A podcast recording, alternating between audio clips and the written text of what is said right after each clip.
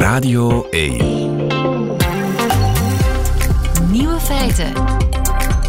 Met Lieven van den Houten. Dag en welkom bij de podcast van Nieuwe Feiten, geïnspireerd op de uitzending van 3 mei 2023. In het nieuws vandaag dat de Nederlandse politie afgelopen weekend de voormalige Britse premier Boris Johnson heeft aangehouden, omdat hij onder invloed van alcohol door Groningen reed. Of tenminste, zo leek het even. Zaterdagnacht zwalpte er een wagen door de binnenstad van Groningen. De politie deed de bestuurder stoppen en vroeg naar zijn rijbewijs. De man toonde dat gewillig en dat bleek te staan op naam van Boris Johnson. De foto klopte, de geboortedatum klopte, geboorteplaats ook, allemaal die van Johnson. Maar bij de Groningse politie zijn ze niet van gisteren. Ze merkten meteen een paar verdachte zaken op, zoals het rijbewijs is uitgegeven in Oekraïne. En is geldig tot het einde van het jaar 3000. En dat de man in de verste verte niet op Boris Johnson leek, vonden ze ook raar. Opheldering kwam er van NOS-journaliste Kisja Hekster. Zij zegt op Twitter dat je in Oekraïne dat soort rijbewijzen gewoon kunt kopen. In souvenirshops. Zelf heeft ze een rijbewijs van Angela Merkel. Goed geprobeerd, Boris. De andere nieuwe feiten. Stephen Fry maakt een documentaire over Nederlandse verzetshelden die vergeten zijn, wellicht omdat ze gay waren. De Alpha-man krijgt concurrentie van de Sigma-man. En Rick de Leeuw vindt een nieuw woord voor de tijd die je doorbrengt zonder mobiele telefoon. De nieuwe feiten van Christophe van der Goor die hoort u in zijn middagjournaal. Veel plezier. Nieuwe feiten. Radio 1. Stephen Fry heeft een documentaire gemaakt over twee Nederlandse verzetstrijders die na de oorlog weinig waardering kregen, wellicht omdat ze homoseksueel waren. This is the story of people who were brave enough. Brave enough to risk everything. He said, Tell the world that homosexuals are not cowards. In history, you see that gay people are forgotten. Yeah. And the first thing to do is remember their name Exactly. Willem Johann Cornelius Arendeus.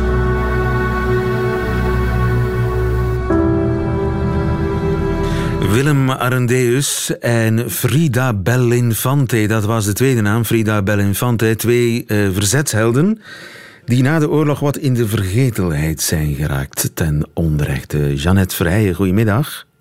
Goedemiddag. Je bent eh, een van de producers van de documentaire. Je bent mee gaan draaien met Stephen Fry. Hoe ging dat?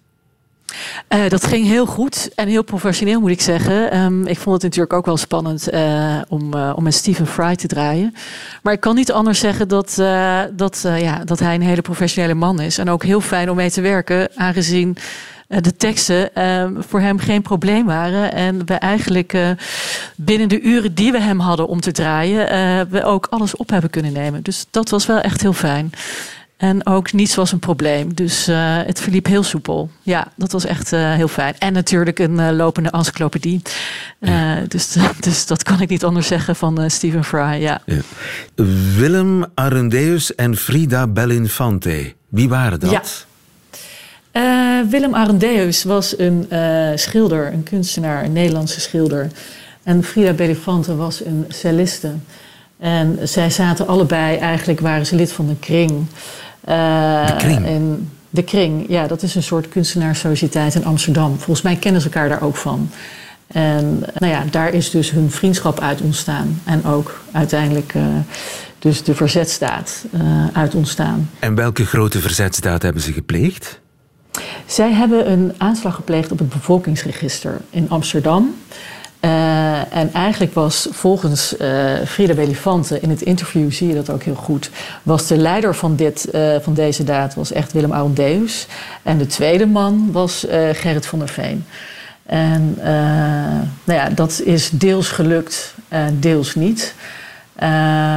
het bevolkingsregister is maar helft, voor de helft vernietigd.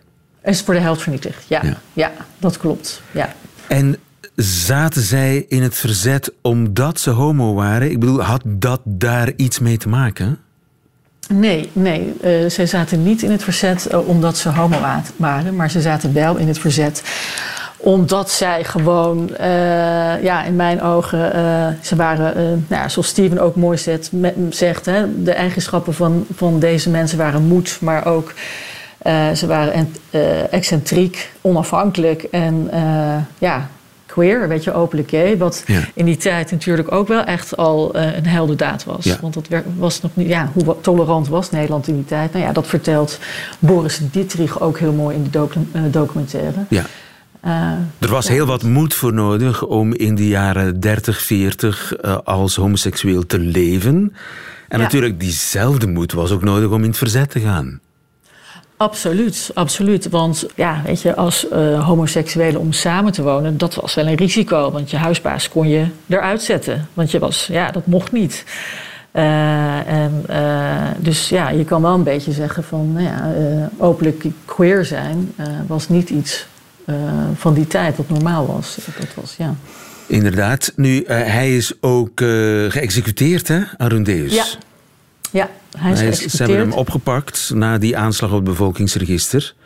Klopt. Eh, maar zij is kunnen vluchten. En ze is in Amerika dirigente geworden. Een bekende... Zij was eigenlijk celliste, hè? Ja, zij is eh, een, een, een celliste. En zij komt ook wel uit een muzikale familie. En eh, Tony Bouwmans heeft daar een prachtig boek over geschreven, over Frida Belifante. Eh, en daar is natuurlijk deze film, eh, documentaire, ook een beetje op gebaseerd. Eh, zij is na de oorlog gevlucht, is in Zwitserland terechtgekomen uiteindelijk, of tijdens de oorlog moet ik zeggen, en uiteindelijk in Zwitserland terechtgekomen. Toen weer terug naar Nederland en geëmigreerd naar Orange County. Eh, en daar heeft ze eigenlijk eh, de rest van haar leven gewoond. Nu, de leider, hij was eigenlijk, de, Willem Arendeus was eigenlijk de leider van die verzetsgroep die die aanslag op het bevolkingsregister heeft gepleegd. Ja. Maar de nummer twee heeft eigenlijk de erkenning gekregen. Ja, dat klopt. Ja. En dan is het gissen ook hè, eh, van eh, heeft dat te maken omdat er ja, er was toch wel weinig aandacht voor eh, homoseksuele verzetshelden. En dan is het gissen naar het feit was het, is daar geen aandacht voor omdat ze homoseksueel waren? Of is dat niet zo? Nu, in de documentaire is wel, wordt wel sterk gesuggereerd dat ze die erkenning niet gekregen hebben omdat ze homo waren. Ja, ja dat klopt. Ja. Maar we kunnen het natuurlijk niet bewijzen. Daar zijn geen zwarte Nee. wit bewijzen voor. Exact, dat is precies zoals je het zegt, ja. Maar eh, het is gissen, maar het, is, ja, het vermoeden is wel heel sterk. Stephen Fry maakte de documentaire over Willem Arendeus en Frida Belenfante. Eh, zou die ook bij ons in Vlaanderen te zien kunnen zijn, die documentaire? Weet je dat? Vooralsnog niet dat ik weet, maar eh, ik denk dat het wel heel goed is als, eh, als deze ook in Vlaanderen te zien zou kunnen zijn.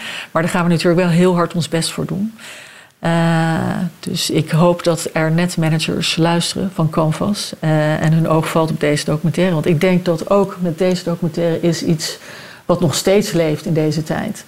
En, dus ik denk dat het een hele belangrijke documentaire is. Het, is- het is geschiedenis, maar ja, eh, geschiedenis herhaalt zich soms. Maar ook, eh, ja, er zitten belangrijke aspecten in eh, die nog steeds leven in, eh, in deze 21ste eeuw. Ja, vergeten helden van het verzet Willem Arendeus en Frida Belenfante. Dankjewel, Jeannette Verheijen. Goedemiddag. Veel succes met de documentaire. Dank u wel, tot ziens.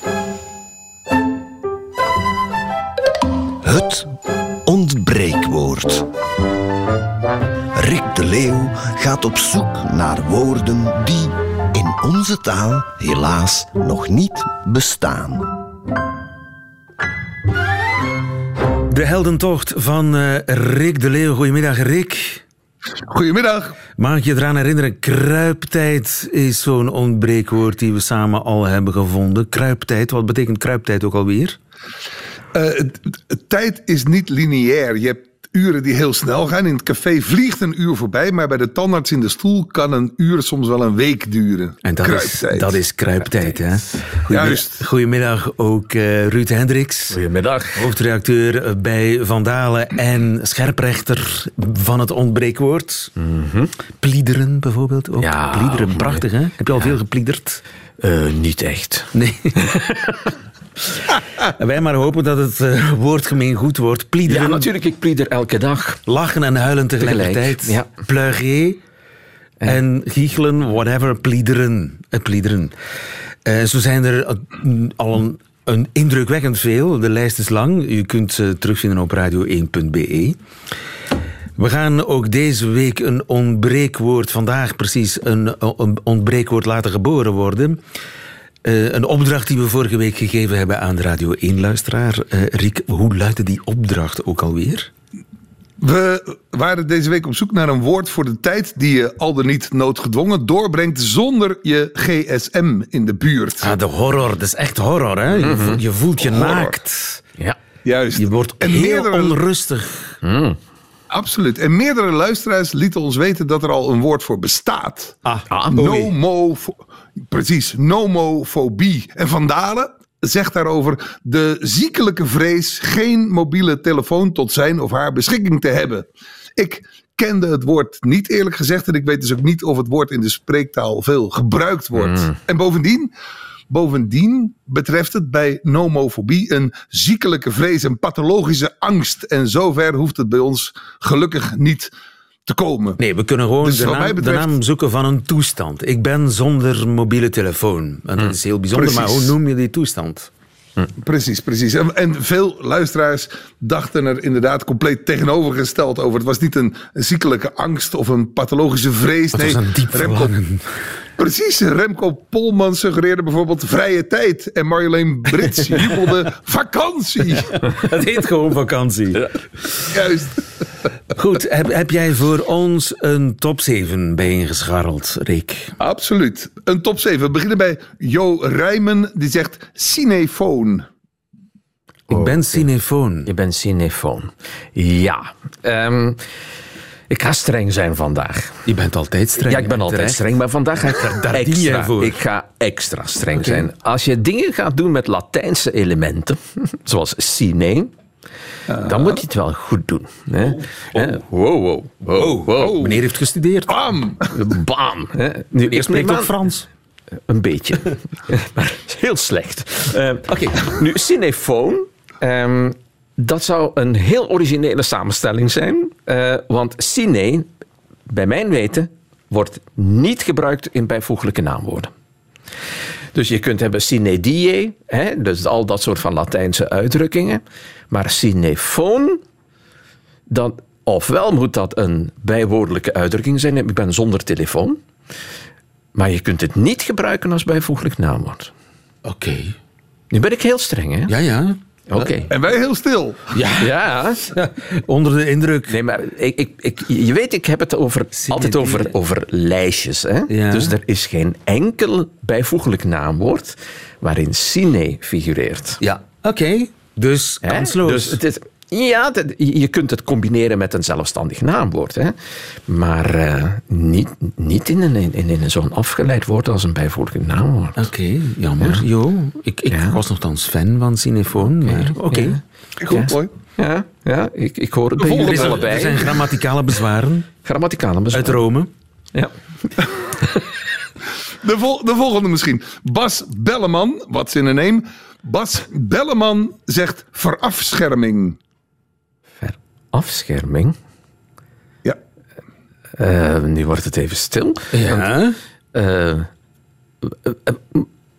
dus Ver- bij- verafscherming. Dus je bent, eh, eh, eh, je bent afgeschermd van je scherm. Je bent Oh, Beschermd. ja, ja. Ver af je scherm. juist. Ik vind hem heel mooi. Ik vind hem heel rijk juist. aan, eh, Verafscherming. Ver, ja, kijk maar, wij snapten hem niet. hè, Nee, Rick. dus, en dat is eigenlijk ook een van de kernvoorwaarden, dat Ja, hij redelijk ja, eh, ja. ja. duidelijk en simpel moet zijn. Ja, Eh, ja, ja. ja. Nee. Oké. Sorry, Bas. Nee, Angelina nee. Fransen. Maar het wordt, Angelina het wordt, Fransen. Het wordt een bloedbad. Wie durft er volgende week nog in te sturen? Angelina, Angelina Fransen zegt connectierust. Ja. Ja, dat is het letterlijk. Hè. Dus rust. Ik eh, heb connectierust. Oké. Connecticut In deze- zit er ook in. Wel leuk eigenlijk. Connecticut. Connectierust. Ja, Oh, die is mooi, connectierust. ja. Oké. Ja, ja. Connectierust. ja, ik heb connectierust. Ja, oké. Ik vind hem Hij eigenlijk wel groeit, mooi. hij groeit. Ja, Ja, hij groeit, hij ja, groeit. ja, hij Hij groeit. groeit. Hij groeit. Pascal Staring, Jim de Groot en Jan Keuter onafhankelijk van elkaar kwamen met Nobiel. Nobiel. Ik ben En- nobiel. Ja. Kijk, dat vind ik wel leuk. Ja. Omdat het... Je, je weet, ik, ik hou niet zo van woordspelingen. Nee, maar dit is wel een goeie. Maar dit is wel een goeie en het is een heel kort woord. Nobiel. En voor de Nederlandse luisteraars, in Nederland hebben ze ook zoiets van ik rij mono. Dat betekent ik, ik rijd zonder mobiel, zonder te bellen. Dus Ik rij mono. nou, ja, Mono? ja, mono. Mono versus stereo. Dat heeft toch... ik, ik, ik begrijp hem niet. Misschien weet Rick waar het vandaan komt, maar dat staat daar overal langs de weg. Ik rij mono. En dat betekent dat je je, je mobiel niet gebruikt. Dus nobiel, Nobiel, In de beter dan mono. In, in de automobiel zijn we nobiel. ja, Voilà. kijk. Autonobiel, ja. Ja. Die, die houden we al opzij. hè. Oké, Dus goed, goed, goed, ja. Het ja, wordt, ja, eh, ja. De, de lucht klaart een beetje op. Ja, ja, ja. Christel Grondelaars komt met chatgat. Wat ik prachtig vind. Ja, Ik heb een chat gehad. Ja? Of je, of je zit Ja. in een chatgat. ja, ja, maar voor mij als Vlaming geeft dat een, een net de omgekeerde eh, associatie. Ik ken dat. Ik, eh, ik associeer dat met tettergat. Juist, ja. Iemand die voortdurend zit te tetteren. Dus Ah, ja, ja, ja. ja. Kletskous. een kletskous, een, een chatgat. Ik ben een chatgat. Dus Maar daar krijg je dan tijd voor als de telefoon uitstaat. Ja. Of weg is. Ja, maar Ja. chatgat zou je in, eh, inderdaad in Vlaamse oren klinkt dat als iemand die voortdurend aan het chatten chatten is. is een chatgat. Ja. En dus dan ben je uiteraard Dus het, het- het omgekeerde aan het doen. Ja, het is dubbelzinnig. Het, het zou dubbelzinnig kunnen Oké. zijn. Ja. Maar wel Oké. mooi gevonden hoor. Mooi gevonden. Ja. Ronald Hufton komt met smartloos. Smartloos, denk ik. Smartloos. Smart. Kijk, Smartloos. Dat vind ik een. Ik vind het mooi gevonden, je smartloze periode. Maar het is zo moeilijk uit te spreken. Met- Smartloos. Ja, met, met smartloos. En dan ben je zonder smart natuurlijk. Ja, dan heb je smarteloos bestaat al. Hè, van vrij van smarten en pijn. Dus dat is, dat is zo'n beetje een bezwaar. Maar ik vind het... Ik, ja, het is eigenlijk wel Ja, mooi gevonden. En Cine Smart, dat gaat ook niet, hè? nee, nee. Nee, nee, Om nee. hoger genoemde redenen. Ja. Oké. Maar, maar als En het- Madelon Vroeze zegt tot slot anofoon. Anofoon. Klinkt duur. En dat vind ik bijzonder. Ja. Sorry? Ja, ja, ja. ja, leg uit. Rick. Ja, eh, omdat het, eh, het, het zegt het, al, al begrijp je niet goed waarom. Maar je bent anofoon. Ik, eh, eh, ik begrijp dat. Ik vind dat een, een nieuw woord Ja. waar je niet direct een uitleg bij nodig hebt. Die Ja. ook misschien niet meteen uitlegbaar is. Maar hij pakt het wel. Ja, ja. Anofoon. Het is een beetje cinefoon, maar dan misschien valt het grammaticaal beter in de, in de oren van... In de smaak, ja. In de smaak van onze hoofdredacteur van Van Dalen. Nee? Tja. Tja. Tja, kijk, er, er worden natuurlijk een heleboel woorden gemaakt die beginnen met A. Hè? Dus anormaal en eventueel ook met een N, anorectisch. Hè? Ah, juist, ja. Maar ano, dat, kan, dat, dat hebben we eigenlijk niet. Dus het zou afoon moeten zijn. Maar dat Of betekent- anafoon. Of, Afoon. ja, anafoon zou dan bet- weer betekenen dat er opnieuw een fonos is of nog meer foon. Dus, Ah, ja, ja. We komen op glad ijs. Kijk, dat bedoel ik. Als je gaat spelen met Latijnse of Griekse elementen, dan, dan, dan zit je op glad ijs. Hè? Dus het klinkt goed, maar het is eigenlijk niet goed. Ja. Grammaticaal gezien. Maar goed. Dan weet ik het zo'n beetje al Dan wel. heb ik weer wat geleerd. Dat ik, Ja. eh, als ik eh, jongleer met eh, Grieks of Latijn, dan moet ik eh, eerst, eerst de grammatica nog eens doornemen. Ja. Goed, eh, ik denk dat we... Volgens Ja. mij ken ik jouw antwoord al. Ja. Zeg het toch Aha. maar. ja. Welk ontbreekwoord hebben wij deze week gevonden? Ruud Hendricks. Nobiel. Yes! Nobiel. Zijn we voortaan als we zonder smartphone op stap zijn, dan zijn we nobiel. Sommige mensen noemen dat vakantie. Maar Pascal Staring, Jim de Groot en Jan Keuter en misschien nog meer mensen, want vorige week was er iemand die kloeg dat hij ook het woord had ingestuurd, maar niet was genoemd. Oh jee. Ja, bij deze onze, onze excuses. Maar het is ook een goed teken natuurlijk als minstens drie mensen ook dit eh, woord suggereren. Dat het kans maakt om op de lijst terecht te komen met Ja. ontbreekwoorden. En bij deze is dat gebeurd bij Nobiel. Goed, we noteren Nobiel. En we hebben een nieuwe opgave nodig, Rick. Heel graag het volgende. Uh, vorige week had ik een lunchafspraak. Het eten was goed en het gesprek liep voor beide partijen geheel naar wens. Geen vuiltje aan de lucht. En nadat we de rekening gezamenlijk hadden voldaan, namen we op de stoep voor het restaurant afscheid met een ferme hand. Ja. ja. Ja, maar daar gaat het nu niet om.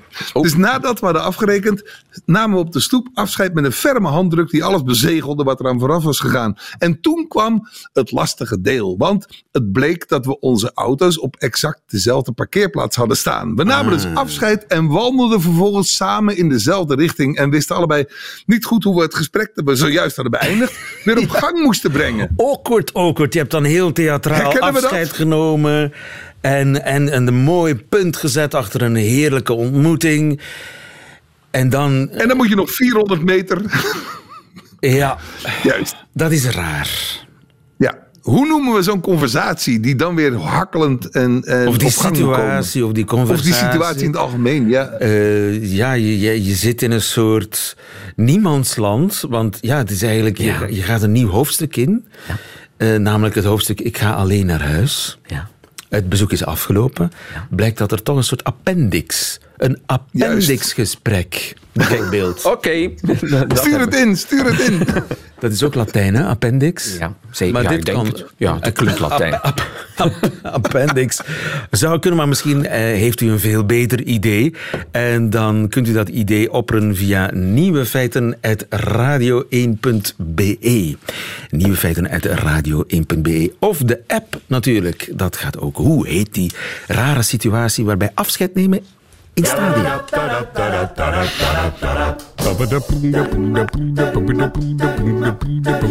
Nieuwe feiten. Kent u de Sigma-man al? Nee, niet de Alpha-man, maar de Sigma-man. Het nieuwste rolmodel voor jongens op TikTok. Sam Geuns, goedemiddag. Goedemiddag. Seksuoloog aan de PXL-school, hogeschool in uh, Hasselt. Zo'n uh, Sigma-man, ik ben op zoek gegaan en ik heb er al eentje gevonden op uh, TikTok. En die zegt dit over vrouwen. They can fall for any man with a big wallet. It is not uncommon for modern women to fall head over heels for a man with a big bank account. They're often too easily taken in by material wealth and flashy gifts. Many women don't understand the concept of independence. Modern women often rely too heavily on men, whether financially or emotionally, and are too often quick to give up their freedom in exchange for security. Ja, vrouwen zijn veel te snel in het opgeven van hun onafhankelijkheid in ruil voor zekerheid. Vrouwen, moderne vrouwen vallen op een man met een dikke portefeuille zegt deze anonieme Sigma-man. Goed voor hem denk ik dat hij anoniem is, want Hoezo? het is niet de meest vrouwvriendelijke quote. Hè? Nee, nee, nee, nee. nee het blijft toch een beetje... Ik bepaal uh, hoe de wereld in elkaar zit. Ja, exact. Nu, 46 miljard views voor de hashtag Sigma op TikTok. Met andere woorden, het is een ding. Het is een ding en wat dat betreft, eh, we kunnen dan denken van gelukkig telt het Griekse alfabet veel lettertjes. Hè. Na de alfa- en de beta-mannetjes hebben we dan nu sigma-mannetjes. Uh, maar persoonlijk heb ik er het gevoel bij dat het een deel een, een, uh, een uitwas is van het feit dat we in, in, onze huidige culturele context in het Westen precies bij mannen merken dat die een stuk hun ankerpunt kwijt zijn. Hè. Als je een echte man wilt zijn, ja, waar moet je u op richten? Ja, vroeger was dat duidelijk, hè? Vroeger was dat duidelijker, uh, vroeger was dat eenduidiger. En vandaag de dag merken we inderdaad dat ja, zowel jonge kerels, jonge mannen, maar eigenlijk ook mannen in hun twintiger jaren, dertiger jaren, veel meer toch op zoek zijn naar die houvast van ja, hoe, hoe moet ik er nu voor zorgen dat ik inderdaad een echte man ben, dat ik succesvol ben als man. En dat is niet zo evident. Hè. We hebben bijvoorbeeld recent heel mooi gepubliceerd onderzoek gehad dat bijvoorbeeld aangetoond heeft dat de status van mannelijkheid als je dat vergelijkt met de status van vrouwelijkheid, eh, dat dat veel moeilijker te verwerven is, de status van een echte man te zijn, en dat veel kwetsbaarder is ook. Dat je dat veel sneller kwijt bent in de ogen van de andere mannen, dat je een echte man bent. Ja, en het is, dat is echt iets wat je eigenlijk bij andere mannen moet verdienen. Telkens weer opnieuw moet je die benoeming uh, ja, krijgen, hebben, verdienen. Ja, En uh, gaandeweg dikwijls ook dingen voor doen waar dat je eigenlijk van denkt van zo verstandig is dat nu niet. Uh, maar ik zal bij wijze van spreken toch uh, maar die punt meer drinken of ik zal toch maar ook eens een keer te hard rijden met een auto of we moeten dat zeggen. of ook maar eens, zoals er juist in de quote, wat vrouwonvriendelijke uitspraken doen, zodat ik in de ogen van mijn peers misschien dan toch ook een echte man blijf. Wat dan natuurlijk een heel spijtige evolutie is. Hè?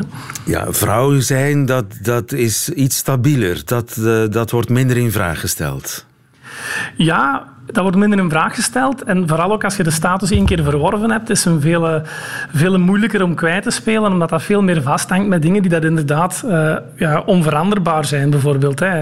Uh, moeder worden is bijvoorbeeld iets wat dat je status als vrouw heel gemakkelijk gaat betoneren. En ja, één keer dat je dat zijt, dan zijt je dat. Hè.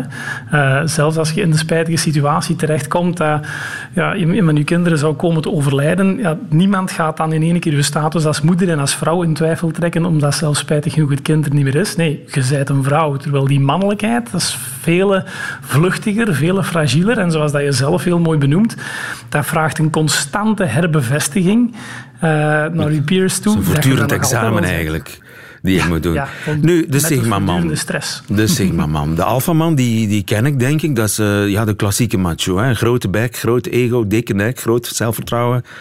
Dikke ellebogen, dominant, gespierd. Kortom, Frank de Bozere. Hij zal het graag horen. Nee, ik bedoel het ongeveer het tegendeel van Frank de Bozere. Ja, ja noem, maar, noem maar iets. Arnold Schwarzenegger is natuurlijk de ultieme alfaman. Ja, ja. Maar wat is de Sigma-man? Sigma ja. ja, wat de Sigma-man... We beelden ons dan eerder beter de, de loner in, de excentriekeling, uh, die bij wijze van spreken uh, net apart staat, uh, buiten een standaard mannelijkheid staat, of buiten een standaardgroep van mannen staat, die dat helemaal een stuk in het reinen is met wie dat hem is, die zijn eigen keuzes maakt in wat hij doet in zijn leven. Hij is niet de leider van de groep. Nee, en hij pretendeert ook niet om de leider te zijn van de groep. Hij is, hij is tevreden met de plek dat hem heeft, omdat hem zogezegd uh, helemaal in het reinen is met uh, wie dat hij is en hoe dat hij in het leven wil staan. Ja, maar voor de rest is het ook een asociale klootzak, net als zijn alfa-broertje. Uh, wel, ja, je kunt je eigen afvragen inderdaad of dat uh, hiermee dan de alfa bij wijze van spreken van de troon gestoten wordt door de sigma, die dat dan kan zeggen van ik heb het zelfs niet nodig om erkend te worden als de leider, wat dat bij wijze van spreken nog meer zelfvertrouwen uitstraalt. Hij is eigenlijk nog erger dan de alfaman. Het is geen verbetering. Goh, ik, ik weet niet of dat het een verbetering is. Ik vind het spijtig dat het opnieuw inderdaad zo'n rolmodel is waar dat dan naar gestreefd uh, moet worden. Als je er juist begint met te zeggen van ja, zoveel uh, views op TikTok. 46 miljard. ja, kijk, uh, dan, dan denk ik daar vooral weer van hoe, hoe ongelooflijk uh, zijn uh, jonge mannen en uh, mannen die toch ook al wat ouder zijn op zoek naar een houvast ja. om zich goed te kunnen voelen in hun man zijn. Hè. Maar ik, ik ben op zoek gegaan naar iemand die we allemaal kennen en die eventueel als Sigma-man zou kunnen, voor Sigma-man zou kunnen doorgaan. Ik heb hem niet gevonden. ik kwam niet verder dan Georges-Louis Boucher, maar ja, hij is leider van, de, van een partij, dus hij is niet echt een loner. Äh, nee, maar je, je, komt dan bij Georges-Louis Boucher misschien omdat dat inderdaad... Ja, we zouden kunnen gaan kijken naar zijn profiel en eens kijken van... Oké, zijn er dingen in hem die misschien niet standaard zijn voor iemand die dat zijn functie heeft of die dat uh, op zijn plek zit binnen zijn... Bijvoorbeeld, hè, daar, daar, daar, gaan we dan al. Uh, dus op die manier toch laten zien... Ja, ik, ik ben in de eerste plaats ook nog altijd gewoon trouw aan wie dat ik ben en ik maak mijn eigen keuzes. En uh, ik ga niet conformeren aan wat dat van mij verwacht wordt. Hè. Hij is niet het standaard voorbeeld van de, de ja. partijleider, om het zo maar te zeggen. Maar de Sigma-man is wel succesvol en daardoor uh, aantrekkelijk, kennelijk. Ja, ik denk dat vooral een stuk dat aantrekkelijke te maken heeft met, uh, met dat zelfvertrouwen dat inherent ergens in dat idee van, uh, of dat imago van die Sigma-man zit. Hè. Iemand dat inderdaad in het leven kan staan op zijn eigen manier. Um, ja, die straalt ergens een, een soort van van zelfvertrouwen uit, wat dat zo'n beetje uh, een soort van je m'en gehalte heeft ook. Uh, dat natuurlijk wel heel interessant kan zijn. Hè? Iemand die dat heel zelfzeker in het leven staat, die lijkt ook wel een soort van stabiliteit en een soort van zekerheid te kunnen bieden op een totaal andere manier dan het alfamannetje dat doet. Um, dat natuurlijk uh, wel wat aantrekkelijk kan overkomen uh, voor andere mannen en vrouwen. Hè. Maar misschien moeten we op zoek naar een ander rolmodel met, met wat meer eh, vrouwelijke kantjes. Goh, ik, ik, denk vooral dat het een beetje spijtig is dat we het idee hebben dat we altijd één perfect rolmodel moeten zoeken. Ik zou liever evolueren naar een situatie waarin dat er bij van spreken x aantal rolmodellen zijn, zodat het gaandeweg veel gemakkelijker duidelijk wordt van ja, eigenlijk mocht je er inderdaad keuzes in maken. Hè. Uh, als jij eerder richting alfa of richting sigma of richting gelijk welk ander lettertje van het alfabet wilt gaan, dat dat op zich oké kan zijn en dat dat kan leiden tot ja, een gelukkig leven en, gelukkige relaties in, in, een groep met vrienden en met partners, uh, dan denk ik dat dat veel minder belastend zou zijn voor mensen die op zoek zijn naar hun eigen identiteit. Ja, dus in die zin is de Sigma-man welkom. Hij is welkom. Ik hoop alleen dat er dan bij wijze van spreken uh, snel nog x aantal andere volgen. uh, zodat uh, mensen bij wijze van spreken veel gemakkelijker een ankerpunt vinden dat voor hen ook werkt. En dat hen een stukje de houvast en de zekerheid kunnen geven die dat ze soms graag hebben. Ja, arme mannen, hè. Sam Geuns, seksuoloog in Hassel. Dank, dank je wel. Goedemiddag. Graag gedaan. Nieuwe feiten. Radio 1. En dat waren ze meteen, de nieuwe feiten van vandaag, 3 mei 2023. Alleen nog die van Christophe van der Goor nu, van Sportza, onze Sportza-collega. Die hoort u in zijn middagjournaal. Nieuwe feiten. Middagjournaal.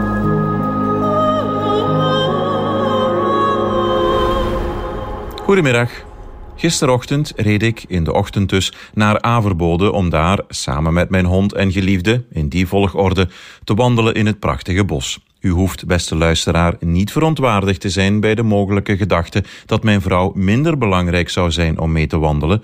Nee, zij had een aantal leuke en verrassende activiteiten voor mijn verjaardag gepland, waardoor de hond toch enige tijd alleen zou moeten blijven, en daarom kreeg hij in de ochtend de gelegenheid om zijn overvloedige energie, hij is nog jong, kwijt te spelen. We reden door Sichem, bekend van Wij Heren van Sichem en Pastoor Munten, voor de oudere luisteraars van Radio 1, waar de politie zich, net na een bocht van 90 graden, aan het opstellen was om dieselcontroles uit te voeren. Althans, dat leidde ik toch af uit de aanwezigheid van enkele busjes waar douane op gedrukt stond. In het fantastische programma Classic Stories was Mauro Pavlovski, de coolste gitarist van de Lage Landen, aan het woord. Qua contrast met een douanebusje kon dat wel tellen. Met zijn sappige tongval uit Beringen ging hij dieper in op het nummer Ride Like the Wind van Christopher Cross. Een lied dat ik vanuit mijn jeugdjaren ken en dat me telkens weer vrolijk maakt en doet wegdromen.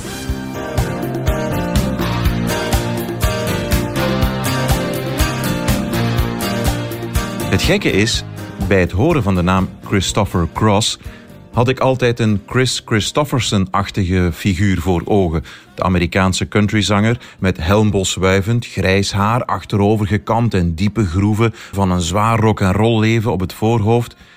Maar niets is minder waar. Zoek de videoclip maar eens op. Christopher Cross, twee meter groot, lijkt meer op een basketbal- of ijshockeyspeler die net in zijn laatste jaar van het college zit dan op een zanger. Je verwacht ook een diepe en zware stem bij zo'n grote man, maar ook dat is niet het geval. Maar dat het je meteen meesleurt naar verre oorden en fantasieën, you bet.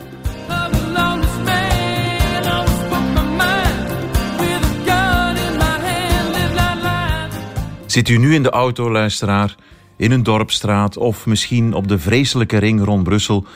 Doe gewoon even uw ruit naar beneden Leg uw linker onderarm buiten en zing. Ta-ra-ra-ra, ta ta ta ta. Ta-ra-ra-ra, ta ta ta ta. Ta-ra-ra-ra, ta ta ta ta. Ta-ra, ta-ra, ta-ra, ta-ra.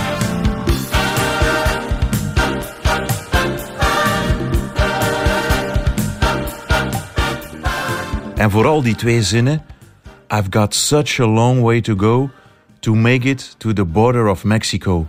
En daartussen het hoge stemmetje van Michael McDonald. En ook al was ik als kind nooit verder geweest dan Mariakerke naast Oostende, meer had ik echt niet nodig toen om weg te dromen. Doorheen de hoge, nog vrij kale toppen van de bomen wierp de zon enkele lichtstralen op het wandelpad. Ride Like the Wind stond op repeat op mijn gsm en daar in de verte zag ik mijn border of Mexico. De abdij van Averbode, zonnekind, zonneland, zonnestraal, de tijdschriftjes.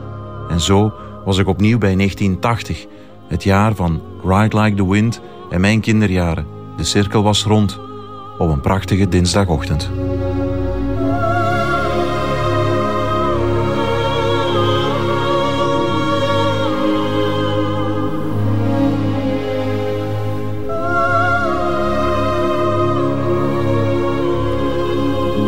Middagjournaal met Christophe van der Goor. Einde van deze podcast. Hoort u liever de volledige uitzending van Nieuwe Feiten met de muziek erbij?